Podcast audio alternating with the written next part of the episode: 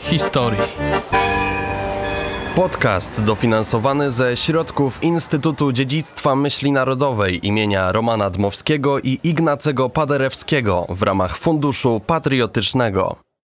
Ulica Stefanii Sempołowskiej, położona na warszawskim Śródmieściu, ciągnie się od Alei Armii Ludowej do Alei Wyzwolenia. Ma tylko trzy numery, na dodatek bez pierwszych dwóch. Nie jest to zatem najdłuższa ulica Warszawy. Pod numerem czwartym mieści się szkoła podstawowa imienia Adama Pruchnika. Tak wyszło, że placówka oświatowa imienia samej Stefanii Sempołowskiej znajduje się na zupełnie innej ulicy. Pod numerem trzecim stoi pięciokondygnacyjny blok mieszkalny, którego podwórko przedzielone jest budynkiem technicznym, będącym górną kondygnacją kina Luna. Kiedyś, gdy kino nie było rozbudowane, to od strony ulicy Sempołowskiej znajdowało się wyjście z kina. O historii tego miejsca opowiedziała warszawska przewodniczka Magdalena Kuc. Ulica Stefanii Polskiej na terenie bardzo ciekawego osiedla. Jakbym wzięła drona i e, robiła zdjęcia e, z e, takiego rzutu w, z wysokości, to e, ulica jest na terenie osiedla Latawiec, z tego względu, że to osiedle naprawdę ma kształt latawca. Hmm? I co ciekawe, to jest realizacja powojenna z 1957 roku. I pomimo tego, że mamy trochę inne czasy i inną władzę, to ta realizacja bardzo mocno wpisuje się w to, co chciał na tym terenie zrobić i co właściwie zrobił król Stanisław August Poniatowski. Dlatego, że y, osiedle Latawiec jest częścią takiego założenia, które nazywało się oś Stanisławowska. Czyli oś Stanisławowska, czyli ym, łańcuch gwiaździście rozchodzących się placów, który miał za zadanie połączyć e, Zamek Warszawski z, czyli rezydencję króla z, z Ujazdowem. Bardzo mocno teren został zniszczony w czasie II wojny światowej. e, No i jak e, Biuro Odbudowy Stolicy mm, jakby patrzyło, co można właśnie na tym terenie zrobić, to zapadła decyzja, że może by właśnie fragment tej osi Stanisławskiej w tym pierwotnym kształcie odbudować, bo jak się popatrzy na dawne plany, to też widać tam latawiec. Bardzo ciekawie zaprojektowane e, osiedle. Ono właściwie miało być w takim swoim pierwotnym założeniu dopełnieniem MDM-u czyli Marszałkowskiej Dzielnicy Mieszkaniowej, nawet jest nazywane MDM3, co no nie do końca, jeżeli chodzi o architekturę, jest e, zasadne, dlatego że mamy tam dwa skupiska mm, budynków. Jedne są rzeczywiście bardzo mocno nawiązujące do tej socjalistycznej architektury, tej, z którą mamy do czynienia właśnie e, na terenie MDM-u. Są mniej ozdobne, czyli nie ma attyk, nie ma jakichś powiedzmy płaskorzeźb, e, czyli tych wszystkich takich detali, które ma MDM. A z drugiej strony mam bloków, które no ni niestety, i zaraz powiem dlaczego, nawiązują do em, architektury francuskiej. Mamy bardzo dużo bloków z takimi mansardowymi dachami, z lukarnami. A mówię niestety dlatego, że spotkały się z ogromną krytyką e, na łamach stolicy, do tego stopnia, że projektantka pani Leonora Sekrecka po prostu zwyczajnie straciła pracę i ze względu właśnie na te francuskie różnego rodzaju elementy, no i już później niestety nie e, no, mogła tej pracy uzyskać, była blokowana praktycznie w każdym możliwym miejscu w Warszawie. Skąd nazwa ulicy? W 1957 roku została oficjalnie ta ulica nazwana ulicą Sępołowskiej, a wzięło się to stąd, że tam są y, dwie szkoły. Jedna z nich była imienia Sępołowskiej. Ona była działaczką, przede wszystkim działała w szkołach, była zaangażowana w edukację, y, zwłaszcza osób, które były gorzej sytuowane. Pan pracuje na ulicy Sempołowskiej. Dokładnie. Co pan robi? Jestem architektem. Jak się panu podoba ta ulica? Jest bardzo kameralna. Generalnie podoba mi się. Jest jeden minus, jest duży hałas od, od strony ulicy Armii Ludowej, ale generalnie jest ok. Jest bardzo dużo samochodów, ale sama architektura, jakby otoczenie. Może troszeczkę więcej zieleni by się przydało. Czy oprócz zieleni jest coś, co jako architekt zmieniłby pan tutaj? Nie, niekoniecznie. Zieleń, tylko że więcej zieleni. I mniej samochodów. Czy wie pan coś na temat y, patronki? Kim była Stefania Sempołowska? Nie mam pojęcia. Długo pan tu mieszka? Dwa miesiące. Co pana tu przyciągnęło? E, zawsze byłem związany mocno ze Śródmieściem Południowym i z, bardzo kochałem całą tą otoczkę, aleję, aleję wyzwolenia i wszystkiego, plus y, no, znalazłem pokój, co nie jest takie proste teraz. Czyli pan warszawiak. Tak. To się panu tu podoba?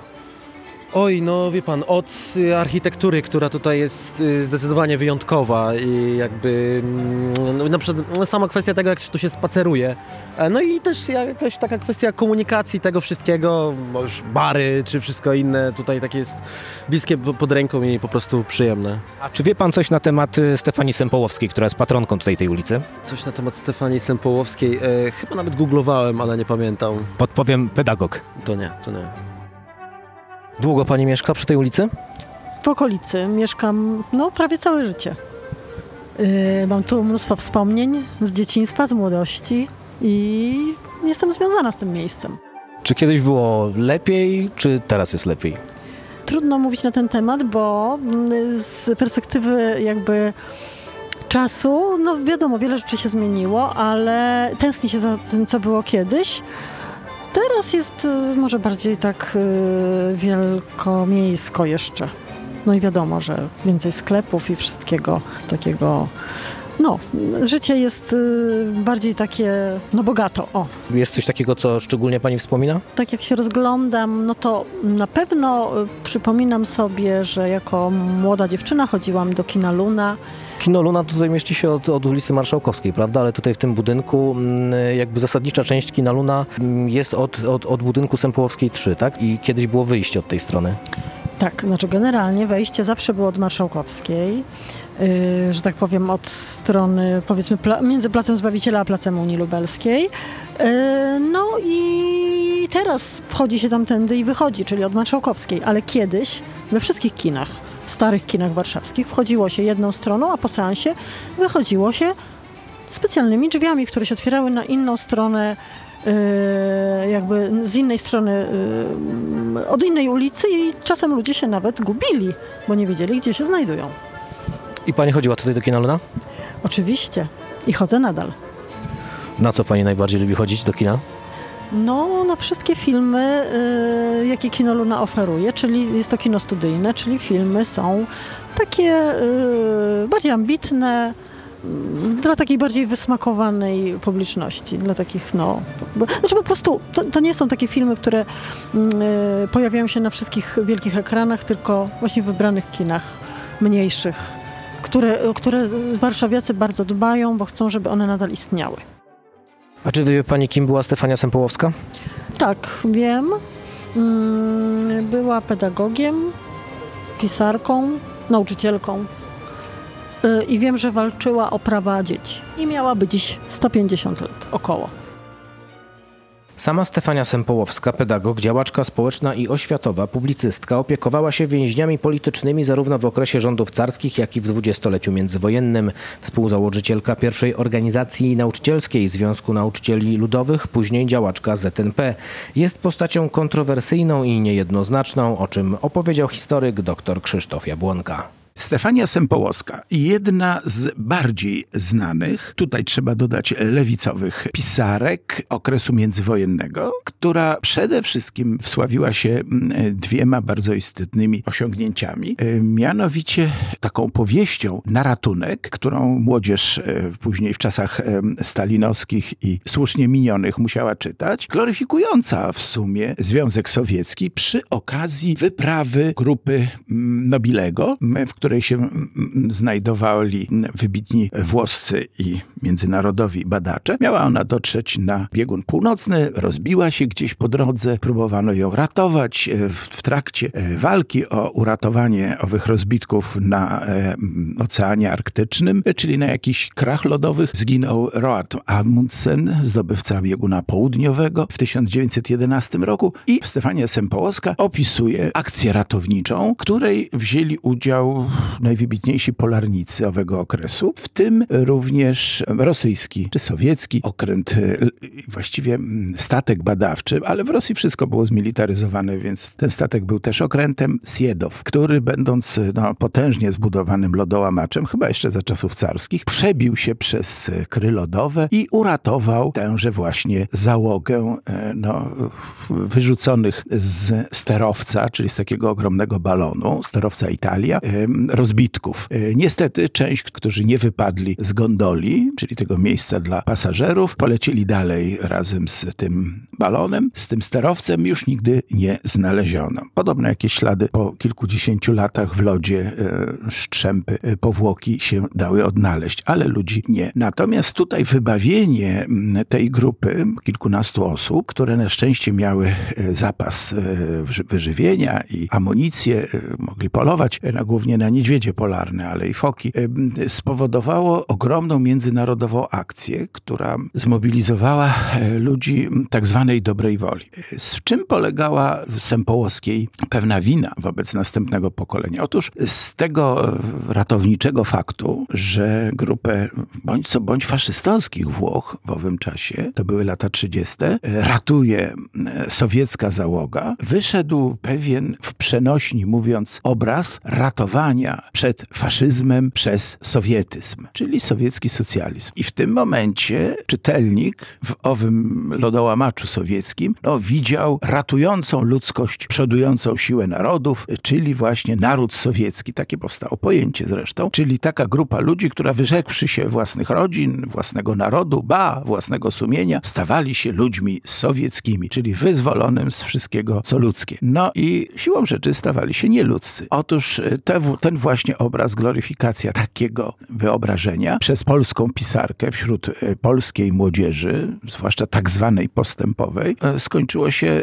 bardzo źle, gdyż rzeczywiście było to uwodzenie na socjalizm. Socjalizm był modny ze względu na ogromne zaniedbania czasów poprzedniej epoki, które zresztą byłyby niezależnie od tego, jaki byłby ustrój. W socjalizmie zło z poprzedniej epoki, czyli bieda, slumsy, zaniedbania wsi były dalej, mimo ogromnych wysiłków. To się nie dało tak od razu. Otóż Sempołowska podniosła to do rangi apogeum historii świata. Oto świat zagrożony, wypadł z, ze swoich ram, jak ta załoga z tegoż sterowca, siedzi na krze, która właśnie za chwilę stopnieje, czyli ten kapitalizm paskudny, tam, który się topi. I to jest wszystko jeszcze wplecione w taką dialektykę i to bardzo artystycznie, że to tak musi być, że tu nie ma wyjścia, że tu człowiek nie ma nic do gadania. I nagle przypływa zbawczy lodołamacz, czyli Związek Sowiecki i ratuje, ratuje ludzkość. Włochów od faszyzmu, tam innych badaczy od innych izmów i przywraca ich, czekających na nich rodzinom, ludzkości,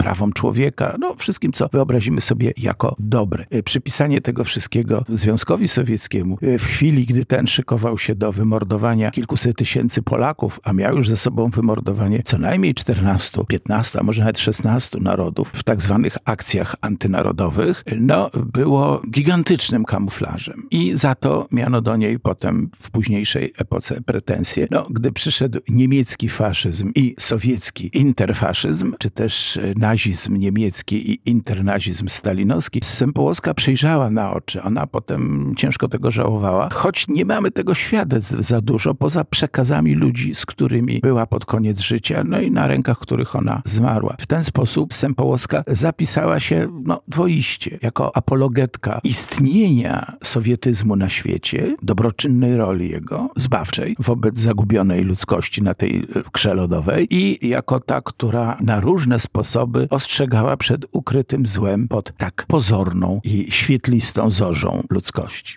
Zmarła, o ile mi wiadomo, w czasie okupacji, w warunkach już niemal powstańczych. Tym sposobem jakby zamknęła swój żywot e, twórczy, powieściopisarki, no i jako człowieka dobrej woli. Na pewno była człowiekiem dobrej woli. Nie można jej posądzić o koniunkturalizm, e, nie można jej posądzić o wyznawanie komunizmu.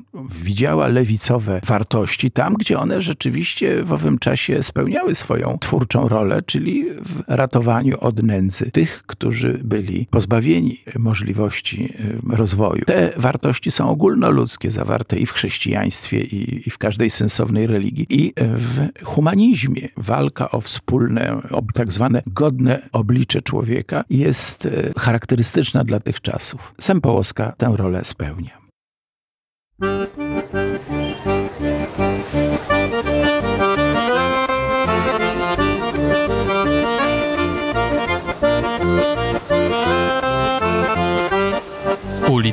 Historii.